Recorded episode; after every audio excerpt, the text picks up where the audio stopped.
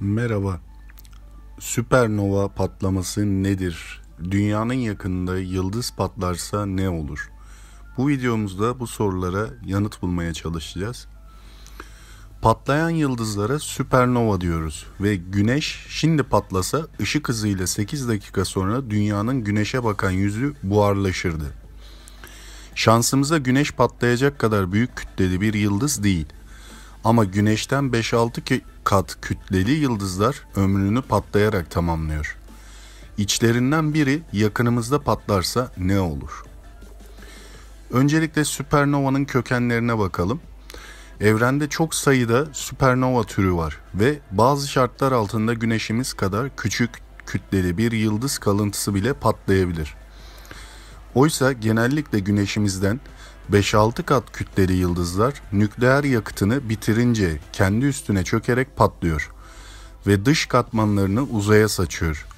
Süpernova patlamaları yakın gezegenleri ve bu gezegende gezegenlerdeki yaşamı yok edecek kadar güçlü oluyor. Peki süpernovalar ne kadar güçlü ve dünyamızın yakınında bir yıldız patlarsa hayatta kalmak için gereken minimum güvenli uzaklık nedir? Bu soruların cevabını görelim. Sadece %10 patlama oluyor. Süpernovalar 400 milyar yıldız içeren Samanyolu boyundaki bir galaksiden daha parlak e, olan patlamalar buna karşın yıldız kütlesinin sadece %10'unu enerjiye dönüştürüyor. Bu da yıldızın dış katmanlarının patlamasını sağlayan 10 saniyelik bir not, not, nötrino akışı üretiyor. Kısacası Yıldızın çekirdeği çökerken dış gaz gaz katmanları o alttan o kadar ısınıyor ki yer çekimine rağmen genişleyerek dışa doğru patlıyor. Bu sırada yıldızın çökmesi birkaç milisaniye boyunca duruyor ve dış gaz katmanları 1044 Joule enerji emerek patlıyor.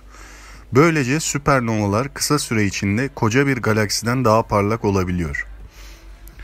İşte tam bu yüzden tehlikeliler arkadaşlar. Süpernova patlamasının ne kadar büyük olduğunu anlatmak için 1 kilowatt saatin 3.6 milyon joule olduğunu söylememiz yeterli. Tipik bir süpernova ise 1044 joule enerji açığa çıkarıyor ve bunu neredeyse ışık hızında giden süper sıcak gazlarla uzaya yayıyor. Bu sırada yüksek frekanslı fotonlardan oluşan ölümcül X ve gamma ışınları da üretiyor. E, bildiğiniz üzere bir tane e, uzay teleskobu da bu e, gama ışınlarının patlamalarını kaydeden NASA'ya ait bir uzay e, teleskobu da şu an dünyanın yörüngesinde arkadaşlar. Ve e, gama ışın patlamalarını sürekli kayıt altına alıyor. Peki dünyanın sonuyla ilgili bir senaryo yapalım. Güneş patlasaydı ışık hızının saniyede 300 bin kilometre ile sınırlı olması ve dünyanın yıldızımıza ortalama 150 milyon kilometre ötede dönmesi nedeniyle patlamanın şok dalgası bize 8 dakikada ulaşırdı.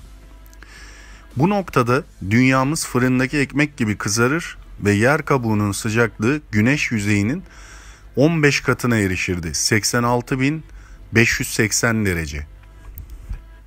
Bunun sonucunda yer kabuğu ve okyanuslar buharlaşırdı ve patlama sırasında güneşin büyük kütle kaybına uğraması nedeniyle gezegenimiz yörüngesinden çıkarak uzayda kaybolurdu. Tabii ki güneşimiz asla patlamayacak. Ama en azından süpernova patlamasına çok yakınsak dünyadaki hayatın bir anda yok olacağını anlamış bulunuyoruz. Radyasyon riski Süpernova patlamalarının diğer bir tehlikesi de X ve gamma ışını yağmuru. Bunlar nükleer patlamaya benzer bir etki yaratarak canlı türlerinin DNA'sında mutasyonlara neden olabilir. Kanseri ve sakat doğumları tetikleyebilir. Aynı zamanda gezegenimizde iklim değişikliğine de yol açabilir. Bununla birlikte insan türünün tarihi boyunca dünya yakınlarında süpernova patlamadı.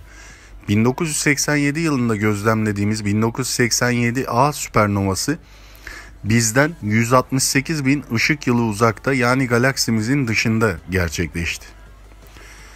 413 yıl önce bir önceki süpernovayı modern e, astronominin kur, kurucularından Johannes Kepler 1604 yılında gözlemledi. 20 bin ışık yılı uzaktaki süpernova gece göğündeki tüm yıldızlardan daha parlaktı ve gece ve gündüz gözüyle bile görülebiliyordu. Yine de bildiğimiz kadarıyla dünyayı etkilemedi. Eski süpernovaların uzaklığını bilemiyoruz tabii ki. Birinci tip süpernova. Süpernovalar her ne kadar büyük kütleli yıldızların patlaması olarak biliniyorsa da küçük kütleli yıldızlar da süpernova şeklinde patlayabilir. Hatta küçük kütleli olanların meydana getirdiği süpernovalar daha parlaktır. Kütleleri 8 güneş kütlesinden daha az olan yıldızlar ömürlerinin sonunda bir kırmızı bir dev haline dönüşürler. Kırmızı dev safhasından sonra yıldızın dış katmanları uzaya püskürür ve kütlesi 0.6 güneş kütlesine eşit bir beyaz cüceye dönüşür. Eğer bu beyaz cüce üzerine yakınındaki büyük bir yıldızdan hidrojen bakımından zengin madde akışı olursa bu beyaz cüceyi patlayıcı bir karışıma dönüştürür. Beyaz cüce patlayarak parlaklığı 1 milyon güneş ışıklı güneş parlaklığına ulaşır. Bu tip patlamalara da nova denir. Evet arkadaşlar burada e, süpernovalarla ilgili bizi Einstein'ın teorileri kurtarıyor. En azından mecazi anlamda.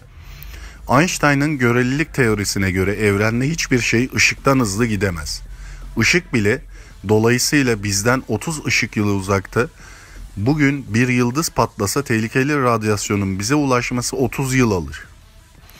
Tabii ki teknolojik tekillilik geldiği ve yapay zeka insan zekasını aştığı zaman inanılmaz teknolojik ilerlemeler kaydederek bu tehlikeye karşı önlem alabileceğiz.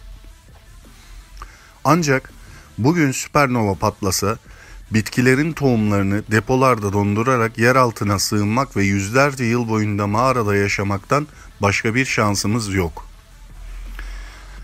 Tüm bunlardan sonra arkadaşlar sonuç olarak dünyamızın yakınında süpernova patlarsa ve bu patlamanın güvende olmamız için bize en az 100 ışık yılı uzakta gerçekleşmesi gerekiyor.